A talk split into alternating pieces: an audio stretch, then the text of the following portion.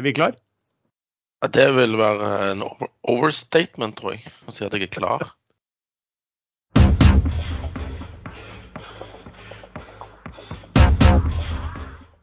Velkommen til podkasten Aksjesladder. Mitt navn er Lars Brønningen, i denne sammenheng kalt Reideren, og med meg har jeg, som vanlig, Den hjemvendte traderen Sven Egil Larsen. Og den hjemvendte Jalakongen Erlend Henriksen. Ja, sistnevnt, sistnevnte hjem- hjemkommende kan vel ta vår disclaimer. Ja, ikke gjør som vi sier, for vi er totalt uansvarlige. Egentlig enda mer nå enn en før, etter litt sommerferie. om mulig. Vi gir ingen råd dersom du hører på hva vi sier her om markedet, aksjer, enkeltaksjer og livet for øvrig, er ansvaret helt og holdent ditt eget. Det kan forekomme feil i det vi sier i programmet, og panelet og panelets gjester kan være langt, kort, direkte eller indirekte eksponert i aksjer, selskaper og produkter som omtales i programmet. Og vi gir altså ingen anbefalinger. Uh, ja, vi har jo litt sånn, vi har vært litt uregelmessig skal vi si sånn, i um, sommer. Sto over siste uh, uke, men nå er vi tilbake igjen for godt. Og uh, da er det gått 14 dager siden siste episode. Jeg så bare kjapt at siden da så er eh, Oslo hovedindeksen opp 1,5% mens i USA har det vært litt annerledes. Der er SMP ned 2,5% og Nasdaq ned 4% på de par ukene. Back for good, liksom. Det hørtes ut som, eh, som en sånn boyband-tittel på en sang. Kanskje vi skal ha som tittel på episoden. Back for good. Ja. Nei, her, er- her gjelder det bare å få ungene i gang på skole og universitet. Så er det bare å stikke av igjen og få litt mer sommer, tenker jeg. Ja, det, det er faktisk eh, Men eh, vi må jo vi må ikke bare gå rett på. Jeg skjønner at du kanskje har det travelt i dag og skal rekke diverse greier. Men eh, var ikke du nettopp i Malaga, Erlend? Fortell. Eh, skal jeg fortelle den sensurerte delen, eller den Nei, bare hva Fikk du opplevd mye og lokalt eh, kulturliv og Ja, dyr, dyreliv, dyreliv og fauna? ta den usensurerte delen. for at Hvis den blir for ille, så, så klipper vi den bort. Og så beholder jeg selvfølgelig til utpressing eh, det Ja, du også. Jeg stoler stoler på deg, Lars. Stoler Ja. på deg. Nei, jeg, jeg ble veldig positivt overrasket over Malaga. Veldig sånn eh, avslappet eh, alt. Hele stemningen. Man kan til og med krysse en gate uten å bli nedkjørt av 17 biler. De stopper og vinker deg frem. Så liten, kompakt by. Veldig fin. Rett ved flyplassen. Fantastisk. Og så er temperaturen litt bedre der enn eh, litt andre steder. Men det er tørt der, da. Veldig tørt. Da var det krise nå, for det var en, en eh, farmer som hadde fått tillatelse til å lage en eh, avokadofarm. Og de er visstnok veldig vanndrikkende, så da hadde vannavgiften gått opp kraftig i, i det området. Men jeg hadde en lokal, eh, lokal der nede som kjente alt og alle, så det, det var en hektisk femdagerstur. Det eneste jeg ikke fikk med meg, var eh, tyrefekting. Ja, men det, det liker vi ikke lenger. Det er politisk uh, uh, ukorrekt.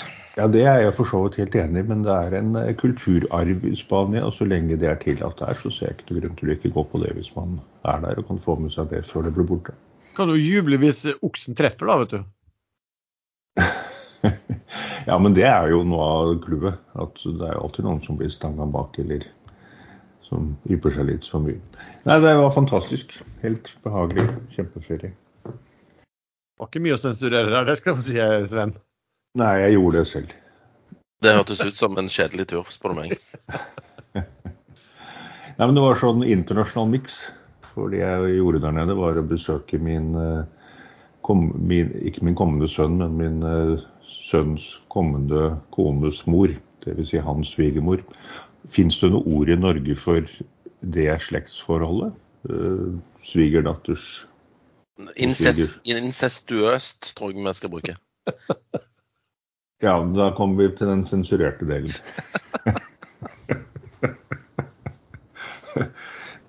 Sven, men du vil, eh, du vil bare ned igjen, er det så? Ja, akkurat i dag så skinner solen her på Ræge, men det har vært litt sånn vått og, og vind, vindfullt her de siste dagene. Så Hvor høyt Men- over havet bor du? hva sa? Hvor høyt over havet bor du? Nei, Det vet jeg ikke. Sånn 30-40-50 meter, kanskje. Jeg kan sikkert finne det ut med å på en app eller noe, men eh, jeg har ikke sjekka. Da, da kan jo du bo der så lenge du lever, i hvert fall. Kanskje være med barnebarna dine.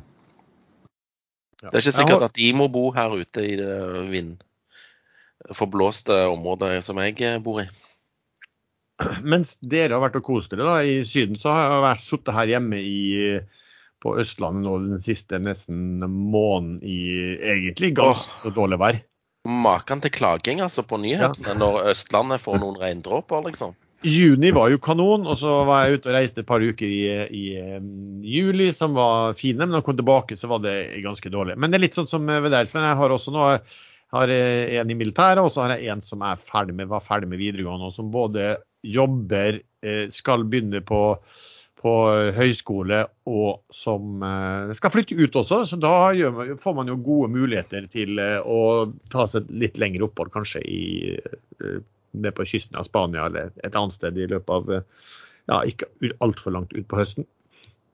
Trenger ikke begge dere ned der nå? Nei. det, det, er kanskje litt mye av det gode. det kan bli litt for nært. Det er best å holde oss på hver sin side av, av, av, av fjellene. Ja, jeg kom aldri ned til der hvor du bor. Vi var, nede, vi var i Marbella en tur, på en strandbar der. Fiskerestaurant. Veldig god. Ja, nei, men eh, Hva sier du, Lars? Skal vi komme i gang med programmet? Vi eh, kommer i gang. Eh, hva har du gjort den, de siste par ukene, Sven? Jo, nå skal, du, nå skal, du, høre. Jeg har solgt meg ut av Mintra. De kom med tall og melding om emisjon. Og da var det mulig å selge aksjene på tre blank, som òg var emisjonskurs. De var kjøpt rundt 2,50, så det var egentlig en grei reise. Tallene var bra. Veldig positivt at eksisterende eiere funder selskapet til dette svenske oppkjøpet. Så egentlig er det positivt, men jeg tenkte at han kanskje blir liggende på rundt tre en, en stund og kanskje dippe litt under, så da er det mulig å ta han tilbake. Eller så har jeg trada litt i uh, Seabird. Der har jeg uh, solgt og kjøpt tilbake, og solgt og kjøpt tilbake, og solgt. Så nå venter jeg bare på å kjøpe tilbake. Uh, og så har jeg kjøpt en post i Lytix på 6,5. Den er nå på 9,5. Uh, den driver jeg og selger ut i dag. Jeg skal fortelle litt om den litt senere, for det er en aksje å følge med på. Jeg har gjort en trade i Aker Biomarin. Der er det òg et eller annet som skjer, uten at jeg helt skjønner hvorfor. Jeg har solgt meg ut av Doff Group. Jeg har kjøpt obligasjoner i noe som heter Modex, som driver og lager um, offshore-containere som, som, de putter utstyr inn i. Og har uh, Altså, de, de kan custom-bygge containere til kundens krav og spesifikasjoner. Uh, Sikra i både det ene og det andre, og morselskap eies av Oaktree Capital, så jeg føler at det var Jeg hadde litt for mye cash, uh, så da syns jeg at 11% rente er greit å ha istedenfor null. Eller jeg tror kanskje Tori Pareto gir en halv prosent nå, eller kanskje én, men ikke så veldig mye mer. Jeg har gjort uh, en trade i BWO faen heter den? BV Offshore. Um, jeg har um, gjort ellers litt sånn småtrades rundt forbi. Havila Kystruten, der har jeg kjøpt meg inn igjen. Men ikke på langt nær så mange som jeg fikk i emisjonen. Jeg tror etter hvert den kan bli en god eller hyggelig reise. Erlend, hva har du holdt på med? Nei, jeg kjøpte en post i, i Havila Kystruten. Eh, dagen før jeg dro, og solgte fredag, var det vel. Eh, I hvert fall så solgte Nei, jeg solgte den eh, på 1,20. Kjøpte på 1,1750 dagen før. Så når jeg da solgte på 1,20, så stakk jo den rett til værs dagen etter, til 1,35. Men så ramla det rett ned igjen første dag etter helgen, så det, det var sikkert like greit. Så det var hele planen. Når jeg dro på ferie, så har jeg ikke gjort noen ting, og det skulle jeg heller ikke gjøre. Jeg burde kanskje solgt eh, det jeg har i Nicola da jeg dro, for den har falt 30% etterpå. Men den tror jeg blir bra uansett. Ok, uh, For min del, siste episode så snakka jeg om Så nevnte jeg Hafnia. Så jeg, føler vel egentlig at jeg har en del for lite Hafnia. Eh, og så jeg kjøpte da senere samme dag, eh, eh, økte jeg vel den eh, mer enn dobla beholdningen min, eh, som på 52-tallet. Og den har jo gått bra siden. Så jeg har jo solgt litt av det litt jeg hadde i Biofish. Jeg har kjøpt en del Norwegian. Jeg har økt en del i um, Petrolia. Um, og så har jeg treida i Skjelf.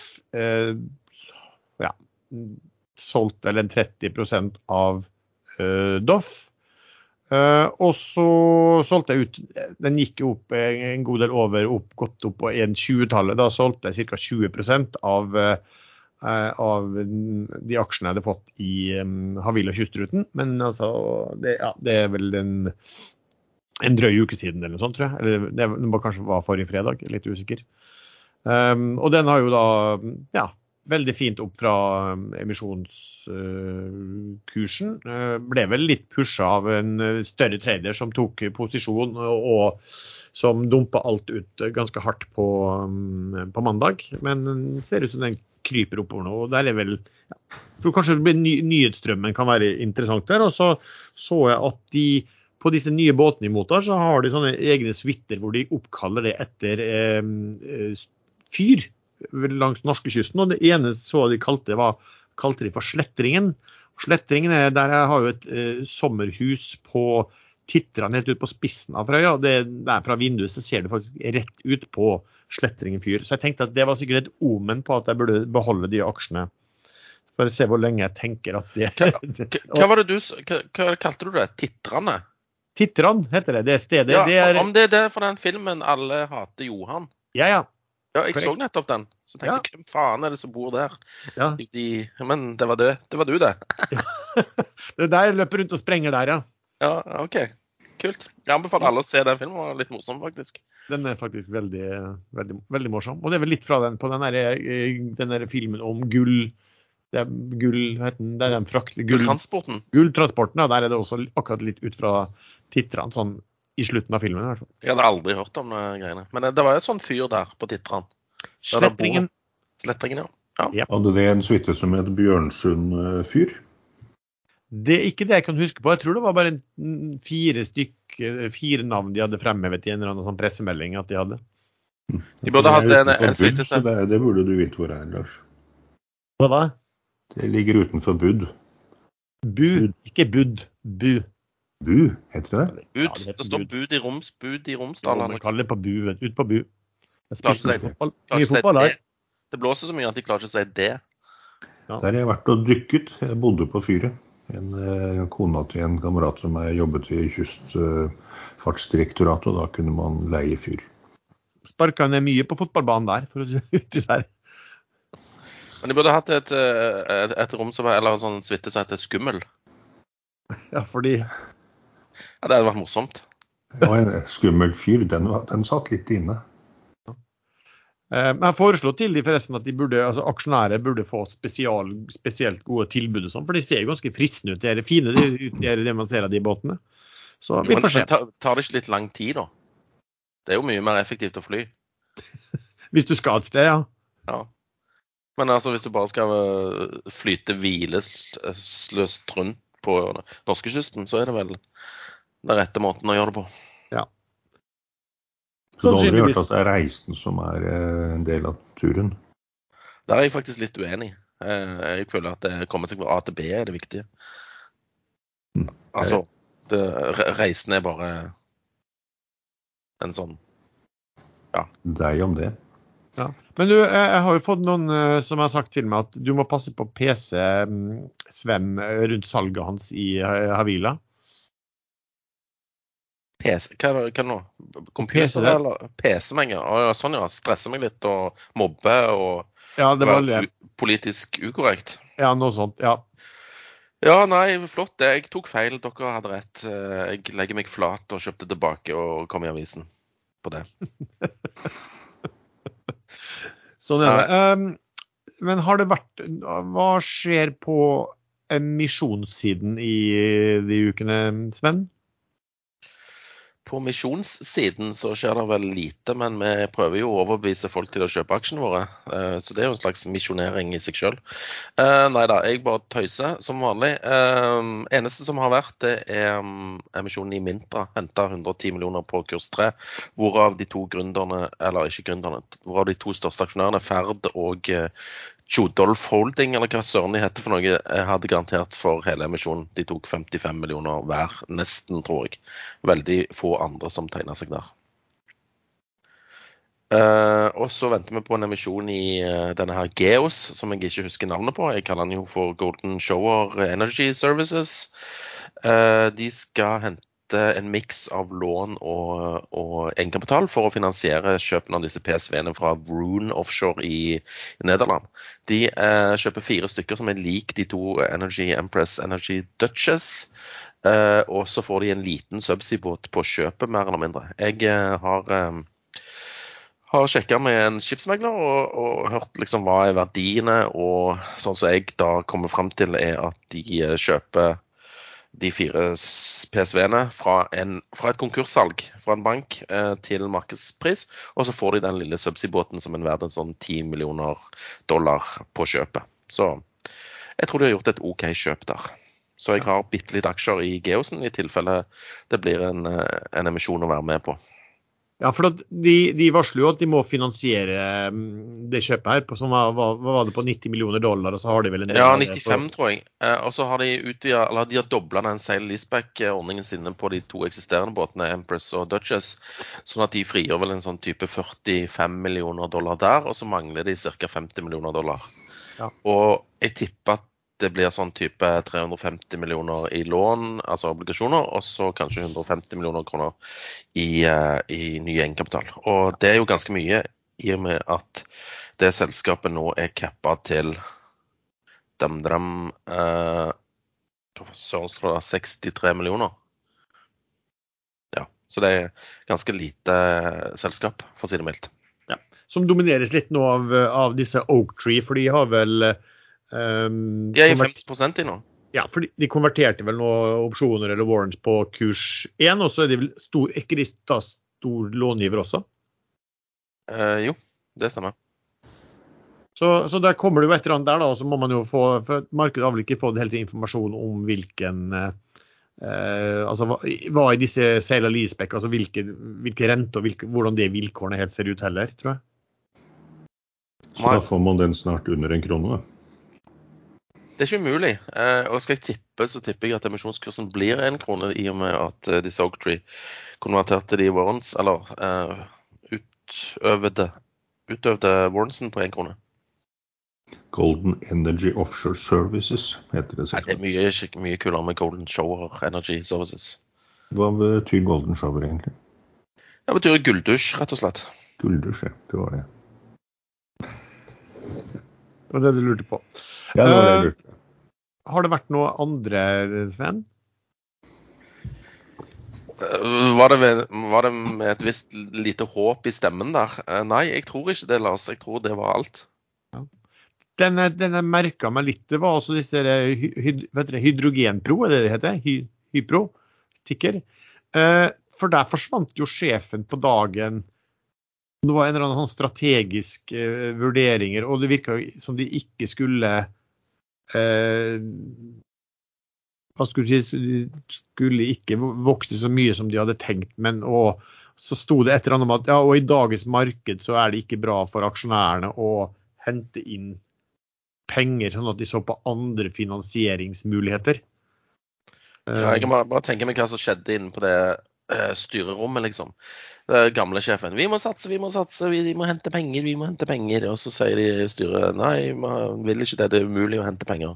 Ja, men da vil ikke jeg mer. Og så gikk han.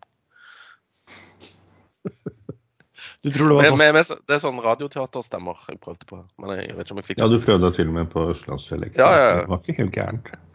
Du sa mer på slutten, det, det ble feil. Mer heter det. Jeg sa ikke mer.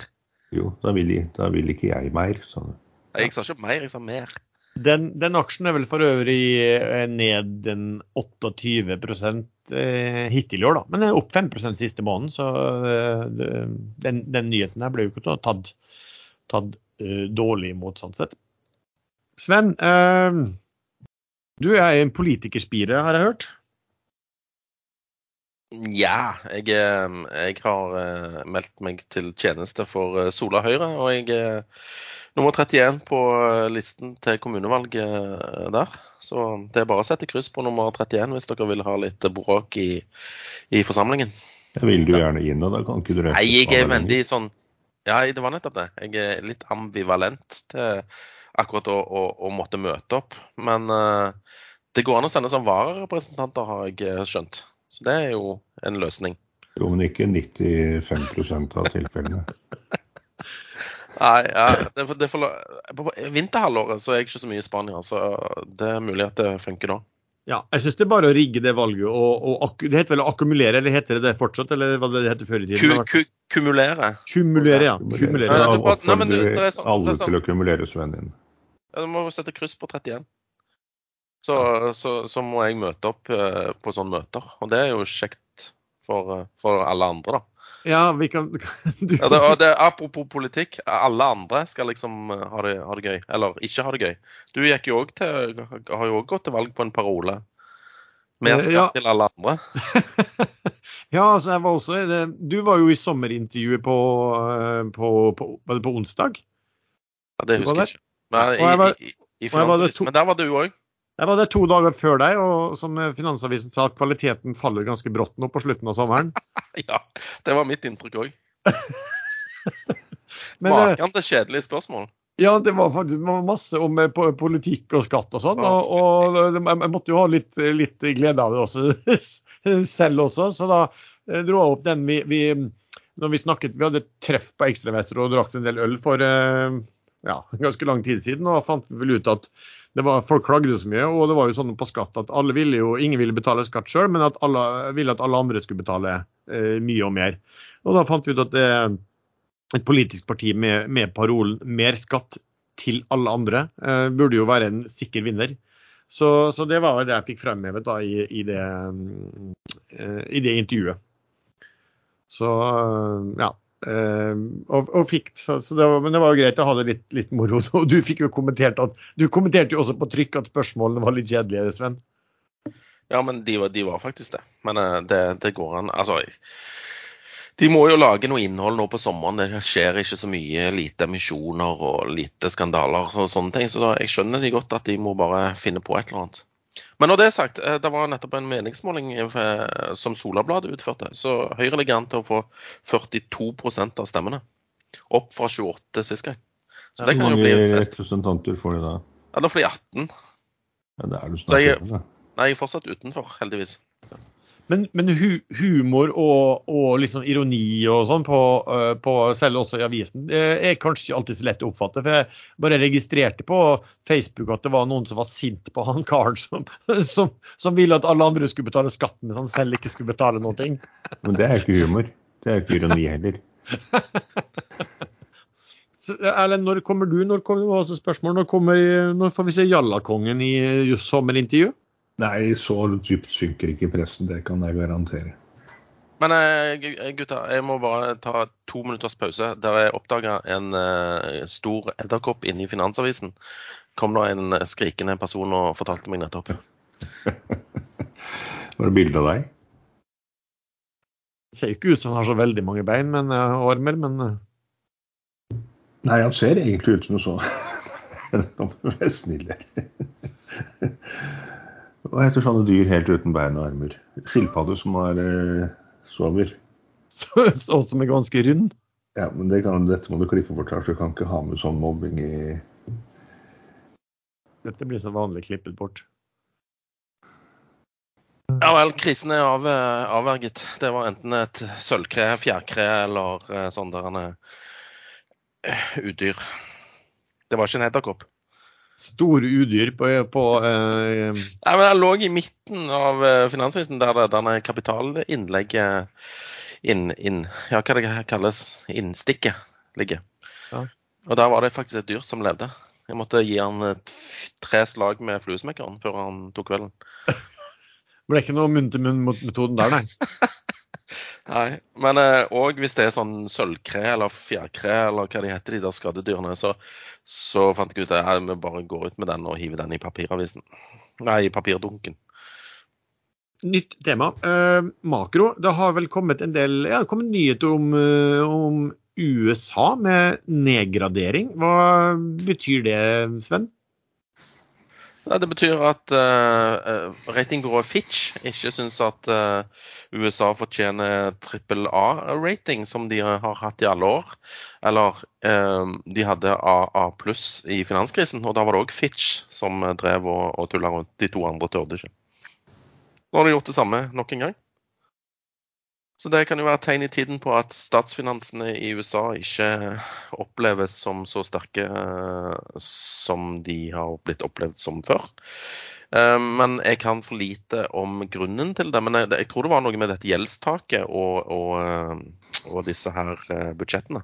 Det var vel det, det, som var hovedgrunnen, at de bruker så lang tid på å bli enige om budsjettsakene.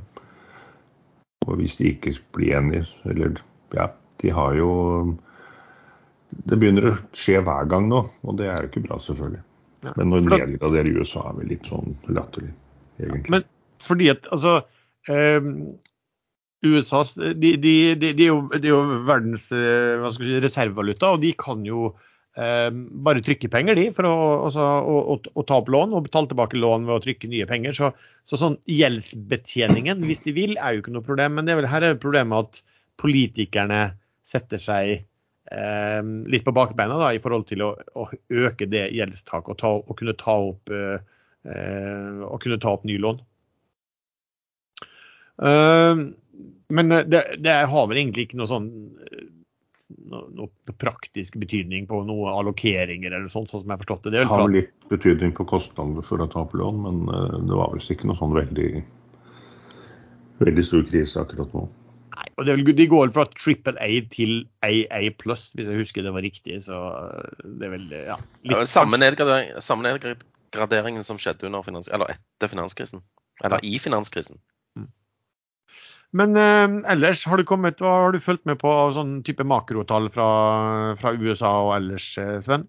Her kom uh, konsumprisindeksen i går, uh, som var venta litt opp fra sist gang. Uh, fra 3 blank til 3,3, kom inn på 3,2. Kjerneinflasjonen òg kom inn en tidel lavere enn venta, på 4,6 var det vel, mot venta 4,7. Så det går sakte, men sikkert riktig vei. og det fører til at spekulasjon om ny renteheving altså ja, det er ikke sikkert det blir så høy eh, rentebane likevel, liksom. Men eh, hvor lenge må de holde renten så høy som nå? Det, det er vel heller det som er spørsmålet, tipper jeg. Men går det riktig vei, eller er det en liten pust i bakken? Ja, det var nettopp det. Ser du på 70-tallet, så fikk du en pust i bakken, og så steg inflasjonen igjen.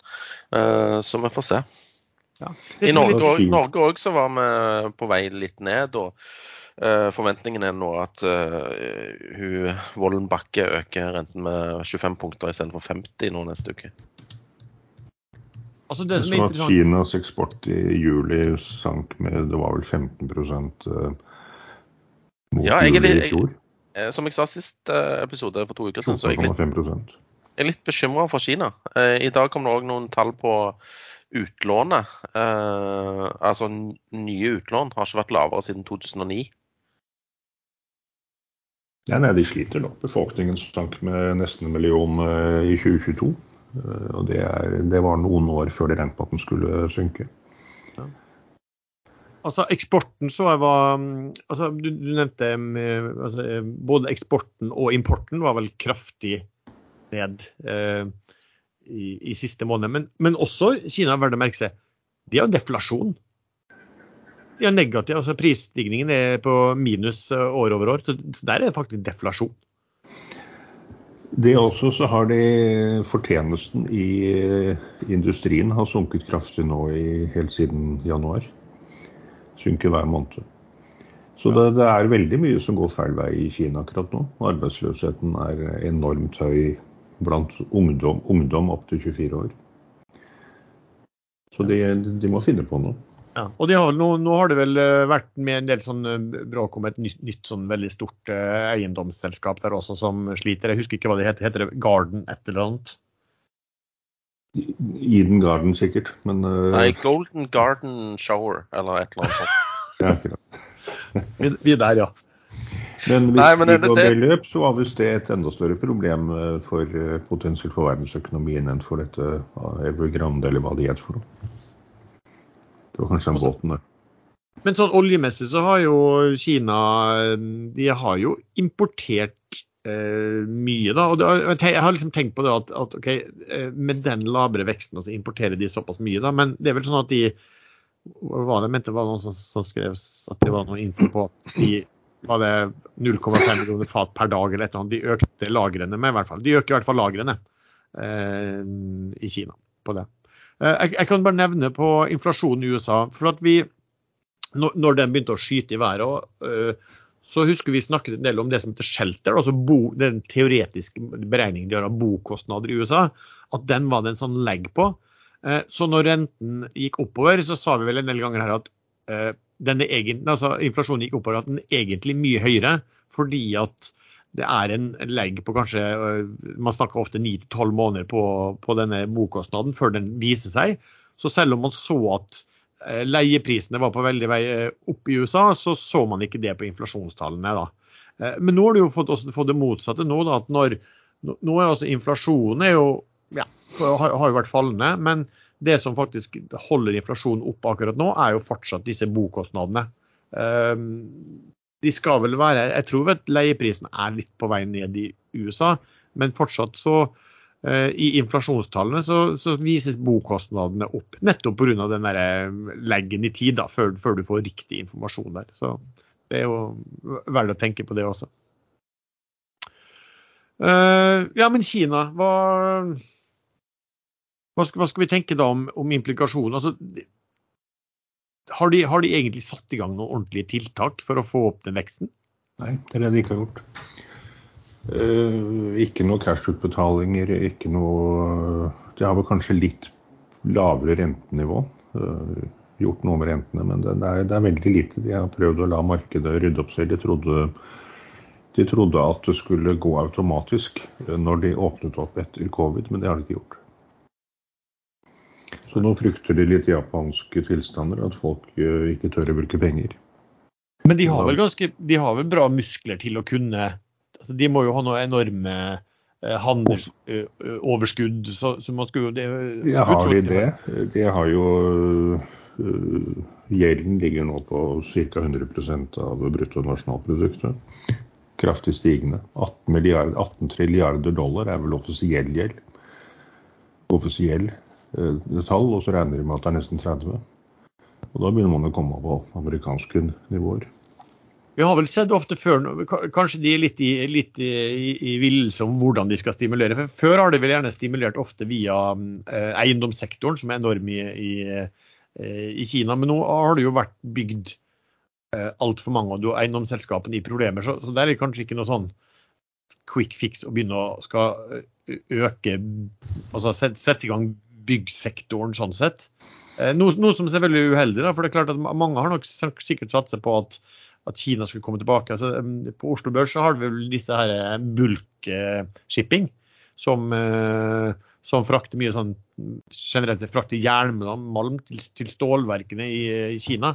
Men når det bygges mindre, så er det vel mindre aktivitet der. Altså, de har vel noe som har fått seg en smell på børsen eh, over, en, eh, over en periode. Jeg hørte på en sånn shipping-episode som jeg hadde med han Pareto-analytikeren. Og da lærte jeg jo at disse, det er disse Cape Size-bulkbåtene som tar de der råvarene. Sånn jernmalm og alt det der greiene. Men hvordan har det gått med de ratene i det siste?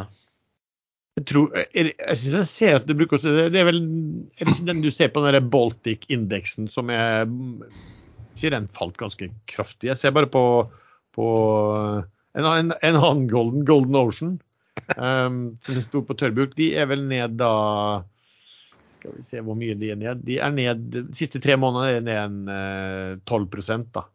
Ned 7% i år. Så det er ikke noe Ja, men Hvis Kina stopper opp og de eh, ikke stimulerer med å bygge enda mer eh, tomme eh, bygninger, eh, spøkelsesbyer osv., så, videre, så så kommer vel shippingbransjen til å I hvert fall Cape, Cape eh, segmentet til å slite framover. Tror dere ikke det? Jeg leste en lang artikkel om hva de kunne stimulere med. og det, det eneste de konkluderte med, var at de kommer til å stimulere med enda mer støtte til elbilomstilling. Men må de bygge mer veier, da? Altså Skal alle kineserne kjøre rundt med sånne radiobiler? Kina har jo løst veldig mye av eh, dette transportproblematikken, altså CO2-utslipp fra transporten ved, ved, disse hurtigtogene. Det går jo hurtigtog på kryss og tvers eh, som fungerer veldig bra, visstnok. Det er jo helt enorme, disse eh, jernbanestasjonene med hurtigtog. Så da har de redusert flytrafikken innenlands ganske kraftig. Eh, elbilene reduserer de enda mer, og alle storbyene skal ha kun el- eller hydrogenbusser innen 2025. Flere av dem som har det allerede. Så det, det, det skjer mye i Kina. Akkurat nå så leste jeg de setter i gang et enormt program for å bygge eh, bygge pumpekraftverk. Dvs. Si vannreservoarer som de pumper vannet opp i med overskudd fra sol og vind. Så, men det er eh, De må jo ha penger til alt dette her. Det nytter ikke å bare subsidiere alt de driver med hvis, de, hvis eksporten synker kraftig og de ikke tjener penger lenger. Men jeg så de hadde sånn Hans-problemer i, eh, i, Kina òg nettopp. Masse sånn flom og greier og regn. De er ikke dimensjonert for uh, litt sånn vestlandsvær der heller. Nei, i Beijing var det jo flere som døde av lokale oversvømmelser. Så, men det er jo worldwide nå. Uh, og så har man da en sånn tulling som Erik Haugane, en av disse Okea-gründerne, eh, som legger ut et innlegg på Facebook på mandag, det var, det var før denne Hans slo virkelig til, hvor han mener at det er eh, medieskapt ekstremvær, skrev han. Han kaller dekningen hysterisk, og så viser han til en flomstein i Vågå. som som en flom fra 1700-tallet som var visstnok et godt stykke over dagens flom. Og påstår at eh, den gangen, det kan man kalle ekstremvær. Men han er jo såpass oppegående han mann der at han skjønner at det har vært litt flomsikring og regulerte vassdragssendinger den gangen. Han kan jo ikke være så korka stokk dum som det han har skrevet i det Facebook-innlegget. Eller er han det? Det vet jeg egentlig veldig lite om. Men uh, denne her rakfisk, rakfiskfestivalen i Fagernes, eller hvor det, er den i fare for å bli avlyst i år? Nei, Det er jo ikke før i november, så det, det håper jeg det er November? November? Ja, nei, men november hvert år. Det er første helgen i november. Å ja, jeg tror det er mer sånn frossenfisk, da. Det det, den ligger vel under vann nå, det området hvor det er stort telt der, tenker jeg. Men det er vel egentlig bra for smaken at den ligger under vann? Du vil fisk, helst ha fisken i vann, liksom, så lenge som mulig. ja. Jeg var litt bekymret for at eh, huset til han felles felleskameraten vår, eh, eller eks-medlemmet som jeg stikker innom, w, Rune W, Rune Wenche, at huset hans skulle ha gått med til ras. Jeg så det var et hus som var tatt der oppe. For der har han hele whisky- og konjakklageret mitt i kjelleren. Ditt? Ja, jeg får fri tilgang til det hver gang jeg er der. Drikkes, ja. Så du mener at det er ditt, da? Ja, det, må, det er jo det. Alt det er definisjonen av det? Nei, men det, det, skjer jo ting. Man skal være ganske blind hvis man ikke skjønner at det skjer ting med hver verden over. Det går jo selvfølgelig bølgedaler, og så kommer det sikkert en to-tre år nå etter den siste Ninjoen eller Ninjaen hvor det går litt ned, og så roper alle at dette var ekstremt vær skapt av pressen og bare tull og propaganda. Og Så går det noen år til, og så kommer det enda høyere topper. Ja. ja, ja.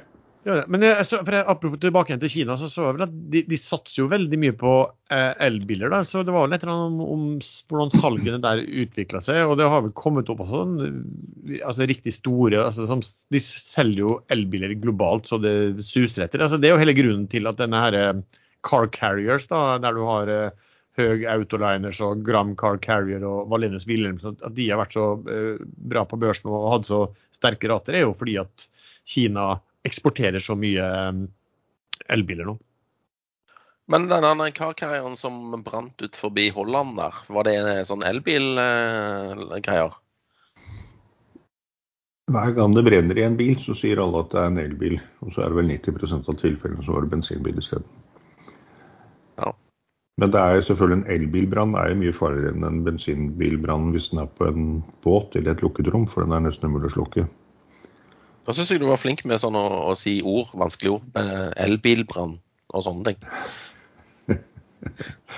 Ja, det er ett, en ukes opphold, fem dagers opphold i Malaga som har gjort diksjonen min bedre. Du har, du har fått smørt eh, vitale organer på en riktig måte. De har noen fantastiske takterrasser nede i Malaga. Det er eh, Kom man seg litt opp fra bakkenivå og fant det helt nydelig. Over på nytt tema. Denne, denne episoden er sponset av Visit Andalusia. Med litt gode lefping. Uh, oljeprisen opp 11% over 11,5% den uh, siste måneden. Sven, har du fått uh, nyttiggjort deg det? Ikke på noen som helst måte. Eh, til og med eh, megler eh, Tore i Pareto ringte meg her i forgårs og sa at du har altfor lite oljeaksjer. Eh, hvorpå jeg bare sa jeg er, ikke, jeg er fortsatt ikke overbevist om at dette er, er Altså, jeg, det, du har de Kina-greiene som jeg ikke klarer å bli kvitt frykten for. Hvis Kina bremser helt opp, så eh, det trenger ikke de så mye olje heller. Men de har jo kjøpt til lager, da. Så jeg, jeg, jeg er det kan du jo selge igjen. Ja, det kan de òg. Det er jo bakveien for russisk olje. Det er å selge først til Kina, så selger de ut igjen derfra og kaller det kinesisk olje. Ja, ja, ja. Ja, nei, så jeg er ikke overbevist på den oljestoryen. Plutselig finner Saudi ut at nei, vi gidder ikke kutte likevel, og hvor er vi da? Det er vi på 69,99, da, og så er det en som jubler. Nå kom det akkurat melding om at Iran eh, et par dager siden skulle øke produksjonen med 250 000 fat. Og det var vel om dagen. Eller, eller var det bare én båt de slapp fri? Eh, det vet jeg ikke. Nei, ikke jeg. Men uansett, det kom melding i går om at eh, Biden og USA i all hemmelighet har blitt enige med Iran om, eh, om en ny avtale. Eh, Det så man først signaler på da fire amerikanere som har sittet fengslet i lang tid, og noen opptil flere år, ble sluppet løs og satt i foreløpig husarrest, men skal utveksles da med noen iranere som sitter i USA i fengsel. Pluss at det frigis eh, 6 milliarder dollar, var det vel, som, eh, som Iran skal få lov å bruke til å kjøpe mat og medisiner. Eh, Og det kontrolleres ved at de pengene blir låst i en konto i Doha. Og Doha, hvor er det? Det er eh, det er, er det Qatar? Qatar. Qatar, Qatar. ja. Og også kombinert med at Iran lover å ikke lage uran høyere Hva heter det? Enrichment, hva heter det på norsk? Eh, ja. An, Anrike? det? Anrik, Anrik, ja. et eller annet sånt. En 60% og det trenger 90% til atomvåpen.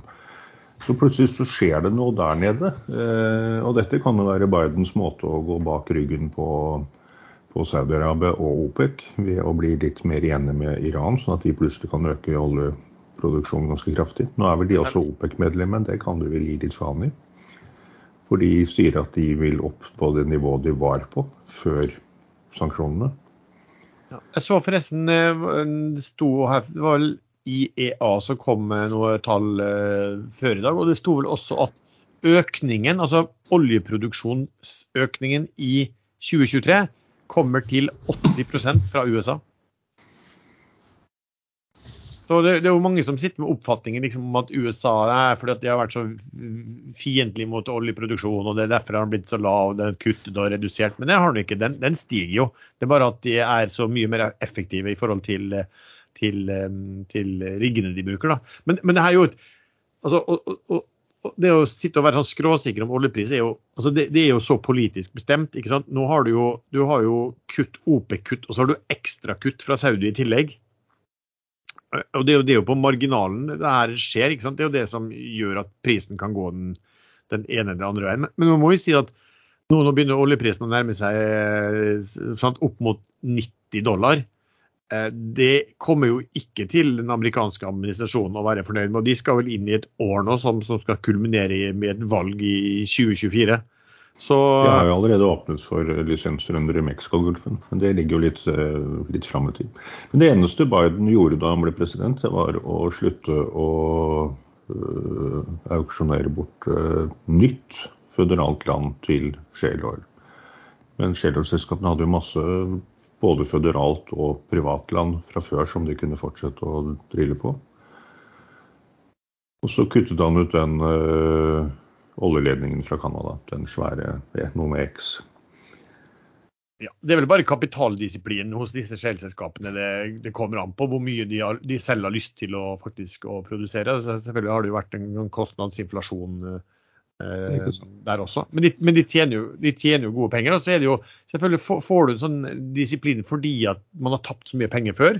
Og så vet de at det kan skje så fort at den oljeprisen eh, endrer seg kraftig. Nå har den jo steget ganske mye nå, sånn sett på, på eh, en måneds tid. Men det var jo ikke lenge siden vi snakket om Erlend, at du var utrolig nærme å nå veddemålet ditt at kom til å komme under 70. Ja, men jeg vinner det før nyttår. Det holder, holder at den går under 70 før nyttår. Ja. Men så ulempen når vi snakker om makro, er selvfølgelig at altså, sånn type uh, høy oljepris sånn, det jo, kan jo begrense den økonomiske veksten. Da. Så, så liksom at den stiger såpass mye, kan jo kan jo slå land over i resesjon, bare det. Høy det oljepris er den beste garantien for at oljen faller under 70 for nyttår.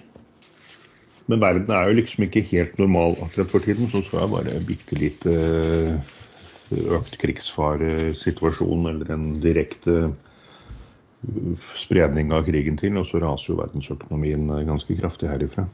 Selv har jeg fått gjort altså jeg har ikke fått gjort men jeg har jo sittet en del i hva skal vi si, oljerelaterte. men, men jeg satt faktisk ganske mye mer når vi kom inn i sommeren. Hadde mye mer rigg enn jeg hadde nå, så, øh, og, og, vekta meg litt ned. og det var, jo, det var jo litt synd, men man skal jo egentlig bare være glad at man sitter i en del øh, av de sektorene som, som, går. da. Men igjen, det bare viser hvor, hvor, hvor viktig det er for avkastning at man på en måte klarer å sitte i de, i de riktige sektorene til rett tid.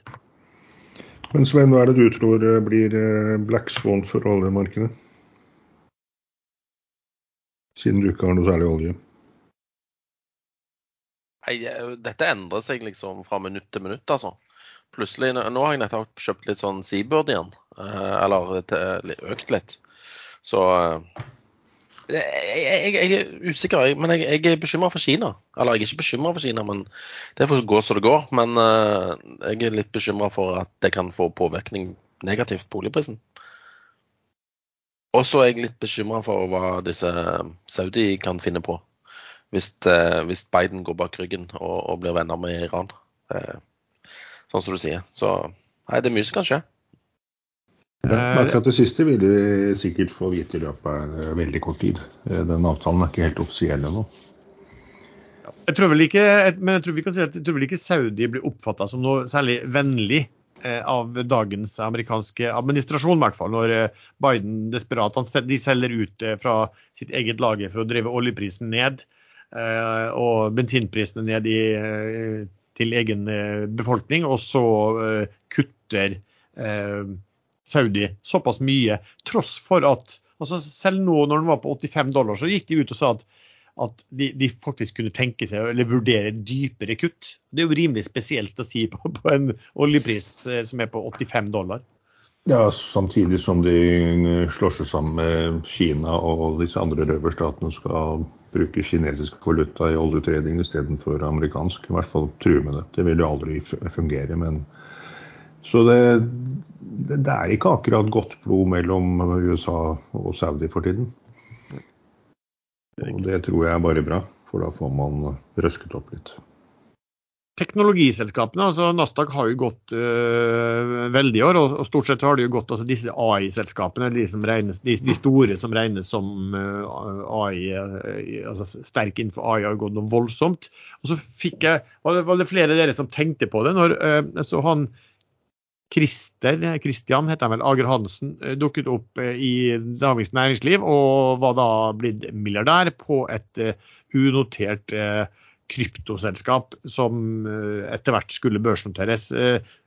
Husker du liksom rundt eh, han og hva som skjedde på 2000-tallet, omtrent akkurat da bobla sprakk, eh, Sven? Ja, jeg husker jo det. Han var jo veldig rik. Norges rikeste eh, på begynnelsen av 2000-tallet. Men eh, de eh, verdiene var vel kun på papiret, og de forsvant like fort som de kom. Så eh, jeg skjønner at du prøver å, å se på dette som et topptegn, og det kan jo godt være, men uh, dette var jo ikke AI, var det det? Dette var vel mer sånn Web3 eh, Ja, det var, det var sånne kry, Det var ikke kryp, men det var et sånn blockchain-selskap Ja, som man riktig. hadde denne gangen. da. Men, og sist gang var det jo .com var det jo sist gang han hadde da også, sånn unoterte da. Ja, det er et eller annet sånn hype-greier, i hvert fall. Så Ja. Nei, det går sikkert bra denne gangen. Altså, Jeg, jeg tenkte meg selv, da, da å, nå, nå bør jeg nesten shorte eh, Nasdaq. Og, og tror du nesten så Den falt 2% samme dag som den artikkelen kom. Så tenkte jeg oi, OK, dette var sikkert toppen. Men det er jo ikke så sikkert. det. Er bare litt uh... Nei, du må ikke ha, toppen riktig ennå. Jeg ser at disse amerikanske aksjene de følger veldig slavisk eh, indeksene. De, de går uh, innimellom helt uavhengig, og så ramler de tilbake og følger indeksen. Men toppen, altså, da tenkte jeg for de teknologiselskapene spesifikt, da, at det kanskje blir en dreining til andre selskap. Men vi får se. Du, eh, Erlend, vi snakket jo sist gang om LK99.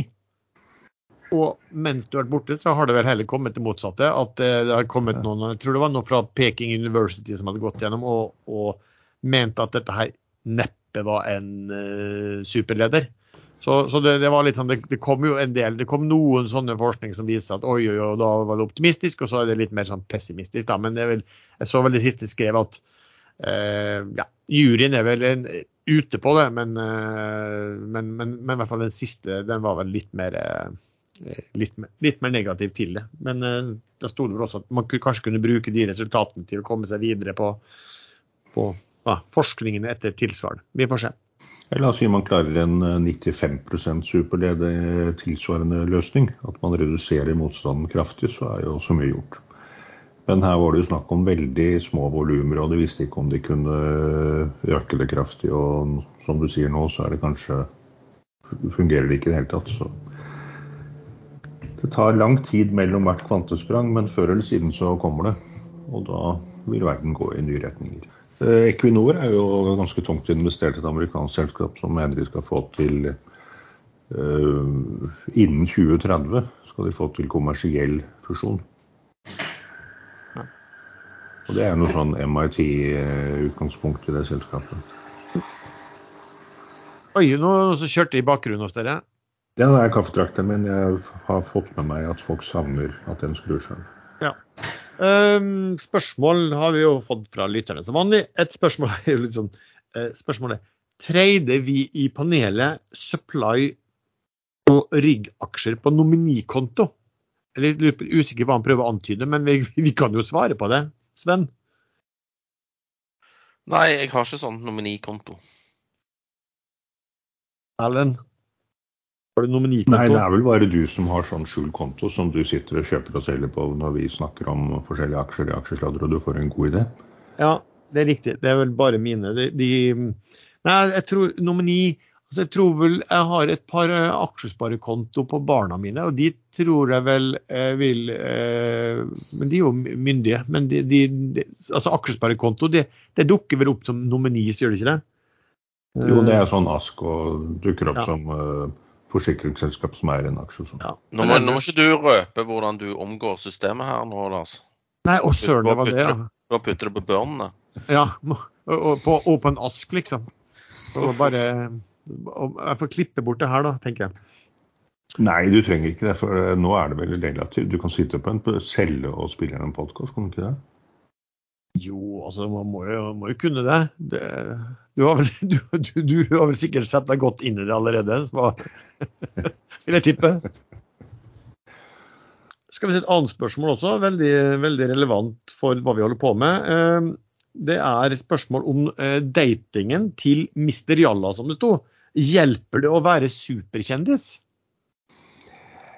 Nå vet jeg ikke om uh, J-kjendis har kommet opp i klassen superkjendis, men uh, Men i sommer i Kragerø faktisk, så uh, ble vi sitte og snakke med litt yngre folk. Og det er jo det fine med sånne småbyer, at man sitter både gamle og litt eldre og unge rundt bordet. Og da var det plutselig en som nevnte et eller annet som gjorde at han fant på at jeg var Jallakongen, og han ble helt starstruck. Men det var da en gutt på 3-24 år som, eh, som ikke slapp taket, og fulgte oss eh, både den kvelden og neste dag da han møtte oss på byen. Så, så jeg skulle ønske at det var flere jenter som hørte på, for å si det sånn.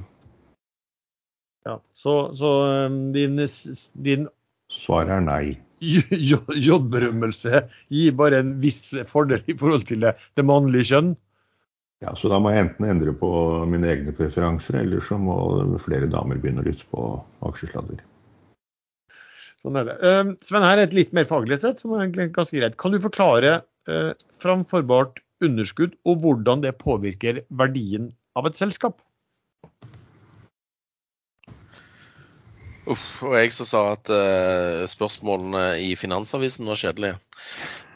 Men uh, påvirke og påvirke. Altså Har du et fremforbart underskudd, så uh, er du i den posisjonen at hvis virksomheten din genererer overskudd, så kan du bruke det fremforbare underskuddet til å slippe å betale skatt. Så da har det jo en verdi. Det har kun en verdi hvis du går med overskudd, egentlig. Men, men, men, hvordan kan det benyttes? da? Vi bruker jo ofte snakke om framførbare underskudd på selskap som da gjerne ikke Nei, det, er en, ja, det er en grunn til at de har fått framførbart underskudd. Da. Det er for at de har tapt penger. Ja, riktig. Men eh, de har en verdi hvis det blir kjøpt opp uh, av et annet selskap som da er i skatteposisjon, altså dvs. Si at de må betale skatt. Uh, som er i relativt samme bransje, var det i hvert fall før. Jeg vet ikke om det er et krav ja, nå lenger. Ja, blitt innskjerpet enda mer, tror jeg. Ja, riktig. Jeg tror ikke det holder det, at det er samme bransje heller. Må, hvis intensjonen med oppkjøpet er å bruke framførbare underskuddet, så, hold, så kan man ikke bruke det. Da får du det vi kaller gjennomskjæring. Ja. Det, det, er et negativt lada ord. Ja, bare for å forklare det. Hvis, hvis, for å si sånn, hvis du hadde hatt et, et eh, framførbart underskudd som hadde, et selskap som kun hadde 10 millioner på bankkonto, og som hadde en milliard i uh, i eh, framførbart underskudd. at du få, altså Hadde du fått betalt vesentlig mer enn de 10 millioner kronene, så hadde skattemyndigheten kunnet sagt at den eneste grunnen til det, det er fordi at eh, man, vil, man, man, man, vil, bruke en skatteverdi her. Eh, og da kan man gjøre gjennomskjæring og si at det får man ikke nyttiggjøre seg, da, som den som har overtatt. Men ta sånn som Nordic Mining, som har holdt på i 14 år eller noe sånt før de nå endelig fikk startet byggingen av gruven. Og det vil jo medføre enda større framførbart underskudd. Der er det jo stor sannsynlighet for at de kan få brukt dette selv. Og da har de jo full verdi, full skattemessig. Ja da, så, så, så, så, man bruker jo ofte å tenke på en sånn teknisk verdi på det. Altså, um, du prøver å regne ut på hva Hvis man kunne utnytta det framførbare underskuddet i dag, hva ville det innebært for verdi for selskapet? Det er jo en teknisk verdi. Og så kan man gi en veldig stor rabatt på det. Si at du, du regner kanskje ja, 20% eller noe sånt av den, eh, den tekniske verdien. At du, du, du, regner det som en slags verdi da, for, for, for, selskapet. fordi at, her, her, at de kan utnytte sjøl, at de kan ja, komme opp med ting, eller at de kan bli en del av en konstellasjon som gjør at det naturlig kan, eh, kan utnyttes. Da. Så det, det er verdt å se på. Det var sånn innskudd til bisetninger. Det var en som la ut et innlegg på Ekstramester at Modi sier at uh, Chinese developer country gardens credits distress will likely spill over to the country's property and financial markets. Ja, Hva var det du sa det het? En garden? Uh, det var ikke noe Golden denne gangen, det var Country Garden. Country Garden, ja. Golden Country Garden. Men jeg kan si på, på sånn framførbare at når, når, man regner litt på selskap og multipler og sånn, så snakker jeg om Skana i en uh, ikke om det var forrige episode eller litt før der igjen.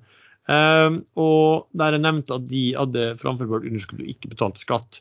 Så når jeg sitter og regner på selskap, hvis du skal regne på bunnlinje og multiple på det, så for de selskapene som ikke betaler skatt, så vil jeg jo ikke regne eh, Jeg vil helst regne PE på det som om de hadde betalt normal skatt, eh, og så lagt til den verdien, den antatte verdien av det framførbare i tillegg. Jeg føler at det blir liksom riktigere, fordi at ellers så kan du jo ende opp med å hvis du bruker P10, så har du egentlig ganga eh, det framførbare underskuddet. Det, det, det du har kunnet trekke vekk fra, fra, skatt det året, så har du ganga det, så har du ti ganger det i en verdi, liksom. Så det kan bli litt feil. Da. Så det kan jo være verdt å um, Du virker å være litt fascinert av sånn fremførbare underskudd, føler jeg. Jo, men ja, litt fordi at jeg bruker å se litt på, jeg liker å se på sånne ordentlige distressed selskap, og de har jo gjerne tapt mye penger, da. Ehm, så der kan det av og til ligge ting eh, Plutselig kommer det noen inn på eiersiden som kan gjøre en del ting. Så, så ja, det, jeg synes det er interessant å se på at du kan plutselig se en del verdier hvor, ehm, hvor, hvor kanskje folk bare ser på balansen også og, og avfeier det.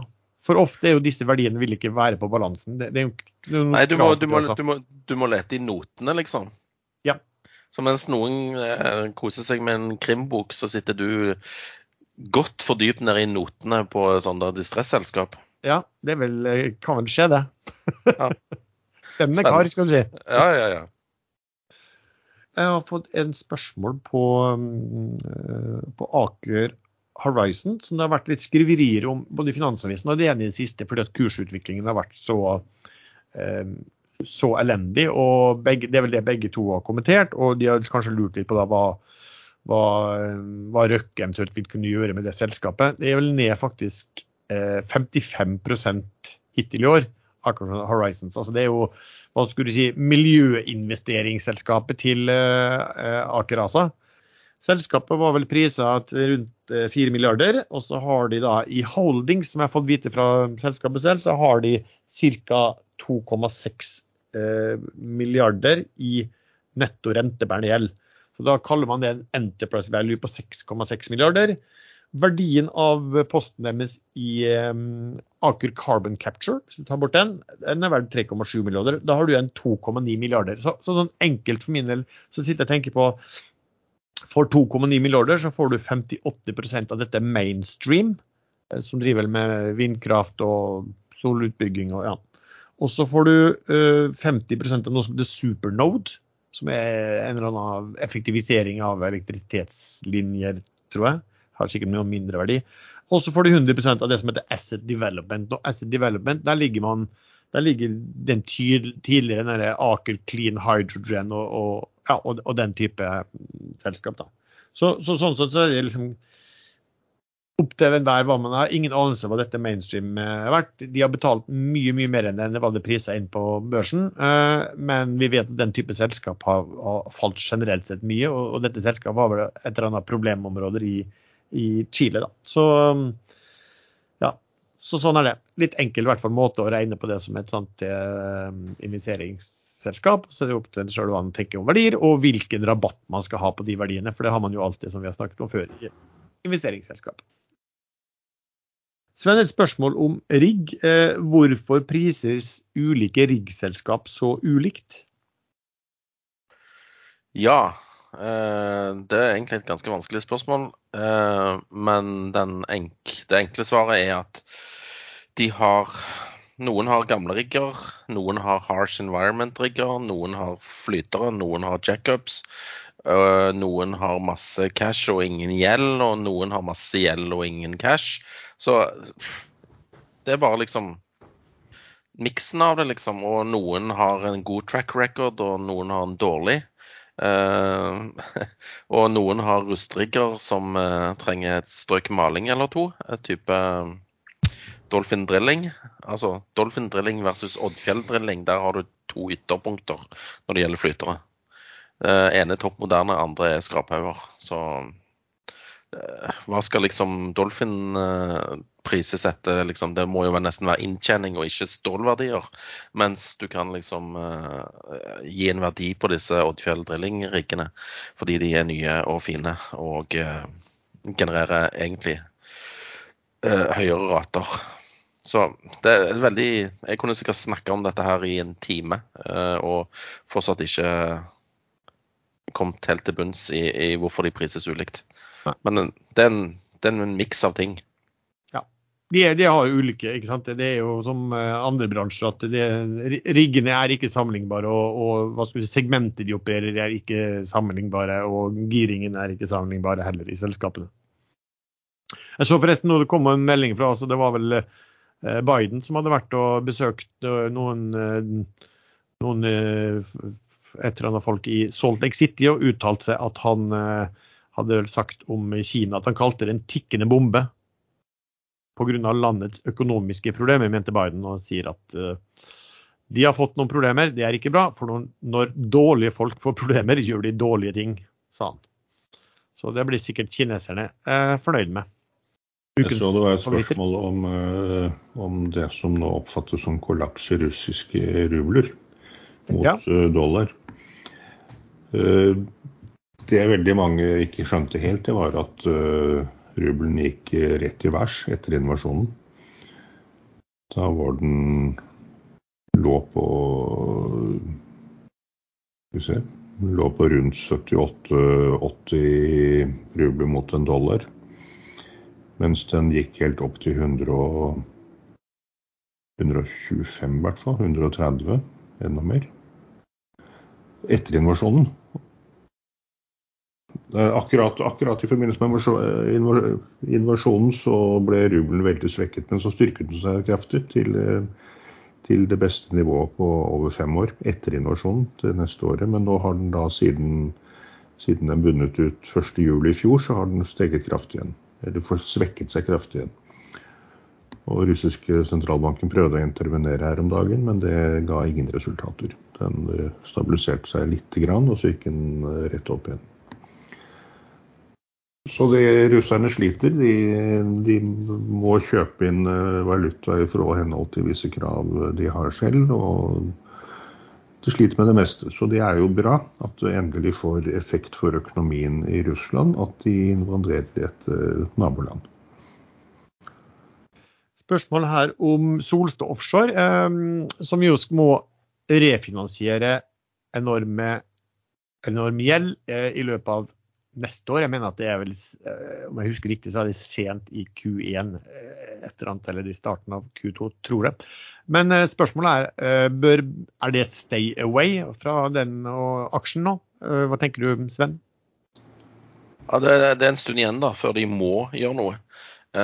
Så, men det er jo for, denne, for det selskapet og den aksjen så tror jeg det er best at de de ordner opp i disse problemene jo før jo heller og får det refinansiert. sånn at Ellers vil det ligge som en uh, tung uh, tynge aksjen, rett og slett. Det vil ikke, vil ikke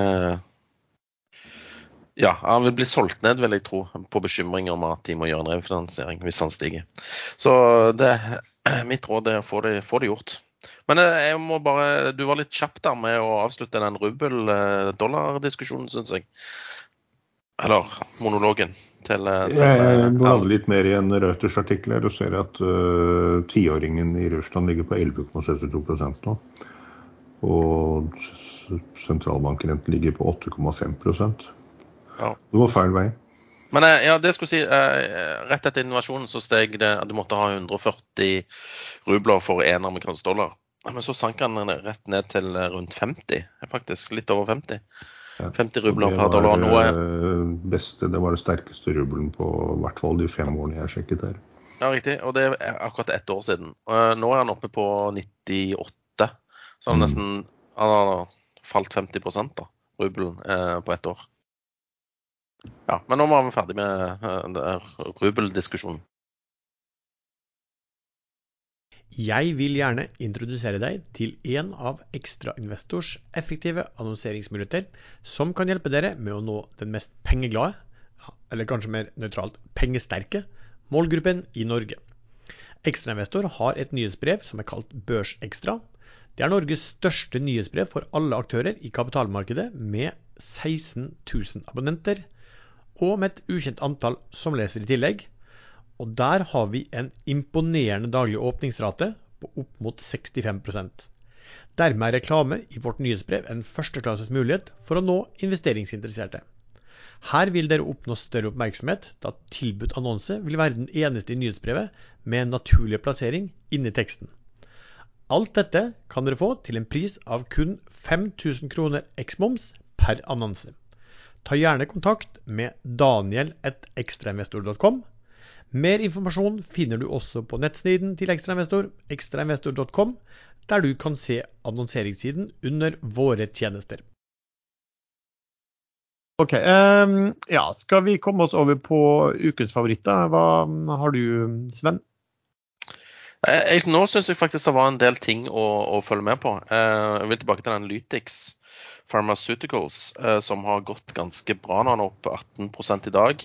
Jeg hadde vel 20 000 aksjer jeg har bare 4000 igjen, for jeg har solgt en del i dag. Den er det greit å følge med på, fordi at de har et produkt som heter LTX315. Det er et immunterapiselskap som, som går på kreft. Og de har egentlig hatt seg en himmelferd for en del måneder siden, da det, ble, altså, da det gikk global med, med, med det de holder på med. Og det ser ut til å ha, ha en effekt. De har lisensiert ut eh, denne LTX 315 til et selskap som heter Verica Pharmaceuticals. De kom i går med en eh, med eh, første, fa, altså, første, del av sin fase to-forsøk, eh, som viste eh, ganske bra effekt på de pasientene som hadde fire av seks hadde 100 eh, Eh, respons på disse kreftcellene, mens eh, femtemann hadde 90 og sistemann hadde 30% Så det er tydelig at dette stoffet virker på en eller annen måte. Eh, de skal òg komme med presentasjon sjøl på forsøk som de sjøl holder på med, men det kommer ikke før etter nyttår, så vidt jeg har forstått. Og så har de et annet virkestoff som heter LTX401, som snart er klar for fase 1 dette selskapet, hvis de får til denne LTX 315-stoffet sitt, så kan det bli en game changer når det gjelder bekjemping av, eh, av kreft. Og det har det jo òg vært i pressen med for de, altså de månedene tilbake. Jeg beholder de siste 4000 for å se Hvis det ikke kommer noen news, så tror jeg kanskje han faller litt tilbake. Men uh, hvis det blir litt sånn traction på dette opplegget, så tror jeg den plutselig kan gå veldig langt. Så den er en å følge med på. En annen er Aker Biomarine. Der har uh, det har jo vært en tragedie på børs. Dette er disse krillgreiene som de driver og lager. Eh, sånn omega-3 og krillolje og krill og alt mulig krill. Men der har plutselig en del Oslo Vest og, eh, og Norda, som er Andenes-familien, tatt Eh, ganske store poster de siste eh, ukene. Så eh, Skøyen AS òg driver og øker der, og det er jo Tor Aksel Vollberg. Og han pleier jo å ha en nese for ting som stiger plutselig. Så det kan være noe å følge med på. Jeg kan ikke selskapet i det hele tatt, bortsett fra jeg vet at det har vært en tragedie på børs, og at de driver og selger krill. De fikk et sånn uh, nytt uh, uh, ja, et nytt produkt godkjent i USA i forgårs, var det vel. Men jeg kan veldig lite om det, men jeg ser på aksjonærlisten at det er et eller annet Noen tror på noe her. Så jeg følger med litt på den òg. Har PT ingen uh, eksponering i selskapet, men det kan endre seg veldig fort. Ellers uh, Seabird. Vi venter og venter på at Eagle Explorer skal få en kontrakt. Aksjekursen har vært ganske sterk. Uh, så jeg har solgt den på rundt 4, 4 rett under 480 og kjøpt tilbake de på 460 i dag. Ellers så så håper jeg på litt mer aktivitet eh, på emisjonsfronten. Det har vært en veldig rolig sommer. Eh, Golden Shower Energy tror jeg kommer med nå til uken. Så det er noe å følge med på. Du nevner en Aker Biomarin din. Den er faktisk opp 45, 45 eh, siste måneden. Ja, det, ja. Mm. Ja, det sa du. Så du mener at Seabird kan gå tilbake til eh, gamle all time high? Nei, det tror jeg ikke. Den eh, tror jeg er litt for utvanna til det. Men ja, For den var bare på nesten 30 millioner kroner.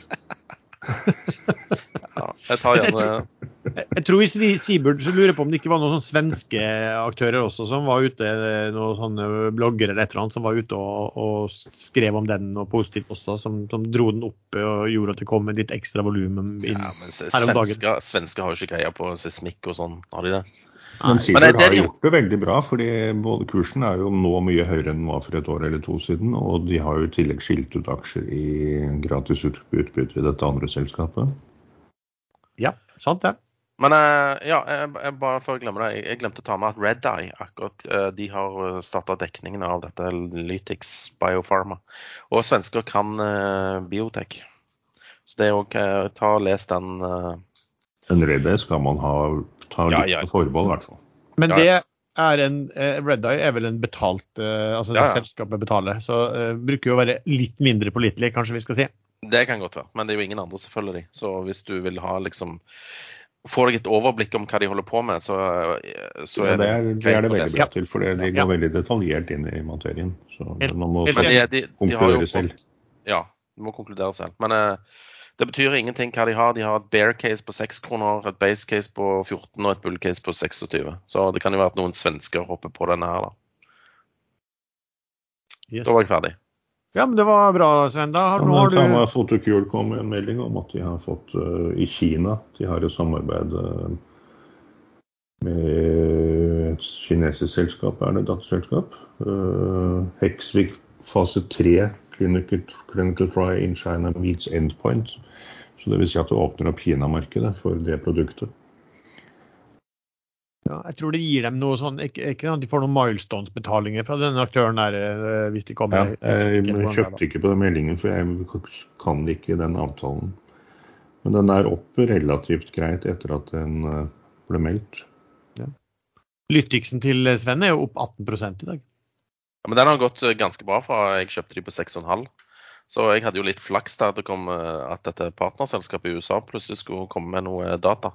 Så det var egentlig bare flaks. Men jeg, jeg hadde tok posisjon for at jeg tenkte at kanskje hvis dette stoffet virker, da, så, så kan han gå fram mot årsslutt når de sjøl skal pre presentere resultater. Ja. Men eh, ja, og Havila Kystruten Men den går litt tregt, da. Men han skal vel egentlig gjøre det. Det skal vel egentlig være sånn litt sånn treg aksje som bare stiger. Kan det være verdt å nevne at han eh, Eidsen bare fortsetter å kjøpe, ser det ut som dag for dag? Aksel Eidsen, altså han skipsrederen som vel har en del kjemikalieskip eh, nå, som før eide Eidsen Chemical som var på børs. Han, Ja, jeg, jeg dissa jo han siste episode, at han ikke hadde, hadde peiling på dette. Men det er mulig han har peiling likevel. ja, jeg tror kanskje han hadde dissa deg nå, hvis det hadde vært sånn. Ja, eh, Det hadde jeg tatt, eh, meg. Vær forsiktig med at disse Sven, det kan bli ringvirkninger. OK, eh, Erlend, har du noe spesielt for uken som kommer?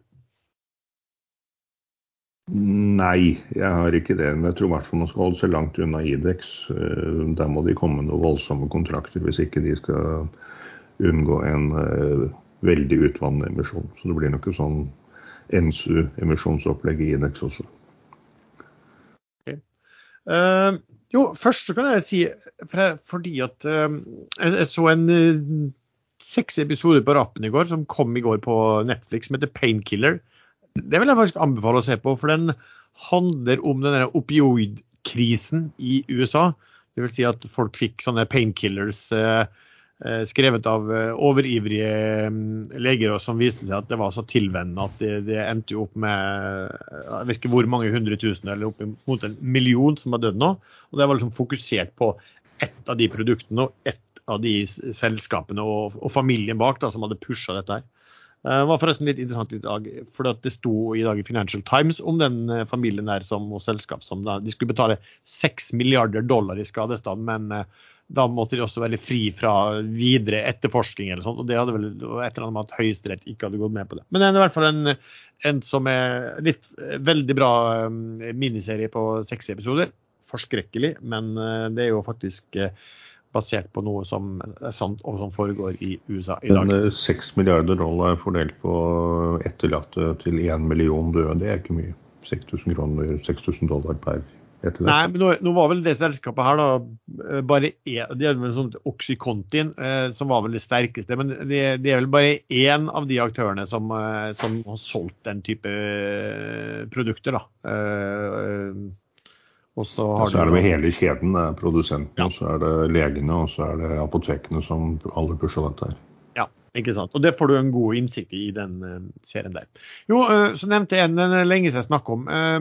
Petrolia eh, til Berge Gert Larsen. Upopulær, eh, veldig upopulær eh, aksje, åpenbart. Eh, men den, den har jo da stått helt stille mens oljeservice har gått veldig mye.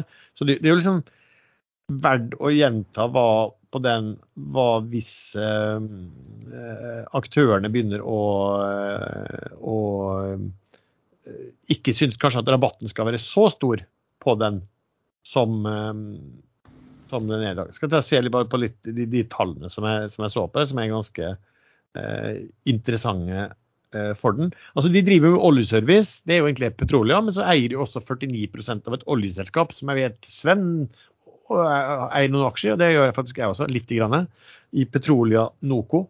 Men eh, nå er vel den eh, at nå prises vel det selskapet nå til ca. 230 millioner av Petrolia på børsen. Eh, og verdien av eh, disse Petrolia Noco, hvis du regner 1,50 per aksje, den er ca. 120 millioner kroner. Uh, og de, de, gjorde vel faktisk en emisjon på to kroner, som ikke var så mange eh, måneder siden. Eh, og de, de, har veldig god inntjening på den oljeservice-biten sin, Petrolia. Og hadde faktisk i, i 2022 så hadde de en EBITDA, som jeg jo ikke liker å snakke om, men de hadde i hvert fall den på over 100 millioner. Og en EBIT, altså driftsresultat på over 45 millioner kroner. Og, og, og, og hvis du brukte investeringer i, i, til stedet for avskrivninger på driftsresultat, så var den på 80 millioner. Da. Så altså hvis du, du, kan regne på to måter. Da. Hvis, du kan, hvis du regner på Noko til 1,50, så prises eh, selskapet egentlig på en evig EBITDA på 1,2 eller en evig EBIT, altså um, på 2,9. Nå er det om du tar, bort avskrivninger og bruker investeringer. Evig EBIT på 1,6. Alternativt så kan du jo si at denne Noco er null, at dette er en fin opsjon å ha på toppen. Eh, og da har du en EV-EBIT på 2,5, EV-EBIT på 5,1 og en EV-EBIT-stjerne, som jeg kaller det, på 3. Så er det jo spørsmål, altså Det er jo egentlig hadde det vært et annet uh, selskap og kanskje en, en, eier som hadde litt bedre uh, renommé, så hadde jo det vært uh, ansett som frapperende billig. Altså det, det, er jo soleklart billigst på, på den type nøkkeltall. og så får man heller bare regne på og vurdere hva vil, bør være en fair rabatt på det.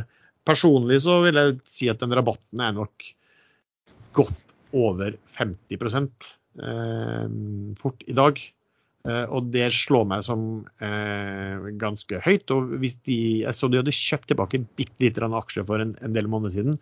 Så hvis de signaler på at de opptrer altså, aksjonærvennlig, eller bare ikke, ikke aksjonæruvennlig, kan fort gjøre at den eh, da eh, prises, blir priset ganske annerledes. Men det er ikke noen sånn stor post. Jeg bare syns den er interessant å, å, å snakke om som, som eh, et case også på hva som kan skje med prisingen av aksjen når uh, aksjen og ja, de som sitter bak, får et uh, litt labert rykte i, um, i markedet. OK, uh, noe mer vi skal snakke om, eller skal vi da ta helgen? Good. Da takker vi så mye til deg som har lyttet til denne episoden. Du treffer stadig vekk oss tre chattene inne på Ekstrainvestor. Vi har også en egen gruppe på Facebook som heter Podkastens aksjesladder. Musikken er som vanlig laget av sjazz.com, og høres. Faen, nå glemte jeg å ta med den uh, historien om gardenaen igjen. Ja, få høre. Jeg skulle ta med den sist gang. Nei, det var bare det at jeg satt i Spania, og så plutselig så, så Jeg styrer jo den gardenaen med sånn app. Og det funker som søren. Men plutselig så fikk jeg opp sløyfefeil. Eh, og det er alvorlig, for det betyr at det er et eller annet brudd på ledningen. Så da var gode råd eh, dyre. Men eh, jeg bare posta noe på Facebook, er det noen som skjønner dette og kan noe om dette. Og så var det en i nabolaget som hadde ni sånne, sånne robotklippere. Han stilte opp, vet du, og fiksa det på fem minutter. Det var bare en kobling på ladestasjonen som ikke var helt inni. Så da løste det seg, eh, og jeg kunne slappe av der nede i Spania litt til, da. Så det var hyggelig. Men naboen har hadde ni stykker? Han har ni stykker. Han, han har noe ja, strandhager og noe greier som han leier ut, eller et eller annet sånt. Jeg forstår ikke helt. Men eh, ja, samme det, da. Han eh, fiksa det, og jeg ville bare ha en, en, vin i betaling, så han fikk en, en Amarone da, som, som, betaling for at han stilte opp. Og redda ferien min. Han fikk ikke den vinen du anbefalte i Finansavisen, altså den til tre euro, eller hva den kosta? Den kosta faktisk fem, da. Ja, fem, ja. Den koster sikkert 100 her hjemme. Eller Ja. 130. Ja. Men jeg, jeg, jeg syns Finansavisen var litt sånn kult å bare liksom smøre på med at jeg er ikke så posh når det gjelder vin. vingreiene. Du var jo oppe i 200, du, så jeg. Hadde vel en helt vanlig Riesling? Ja, ja, koster ikke den 200, da? Det er jo dyrt. Ja, litt under, i hvert fall. Litt under. Det er jo ikke dyrt, liksom. Nei. Men, men nå har vi fått med Gardena-historien, så nå er jeg fornøyd.